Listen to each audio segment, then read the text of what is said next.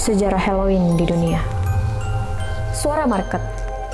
Perayaan Halloween yang kita tahu ternyata bermula dari salah satu festival yang dirayakan dengan kostum masyarakat Celt Irlandia sekitar abad 500 sebelum Masehi. Masyarakat Celt juga percaya bahwa orang yang sudah meninggal dunia akan berada di dalam tubuh manusia selama satu tahun. Pada Halloween, tepatnya 31 Oktober hari terakhir dalam satu tahun, masyarakat Celt akan mematikan lampu rumah, memakai kostum hantu untuk menghalangi arwah yang ingin kembali ke rumahnya, karena arwah memiliki tempat tinggal.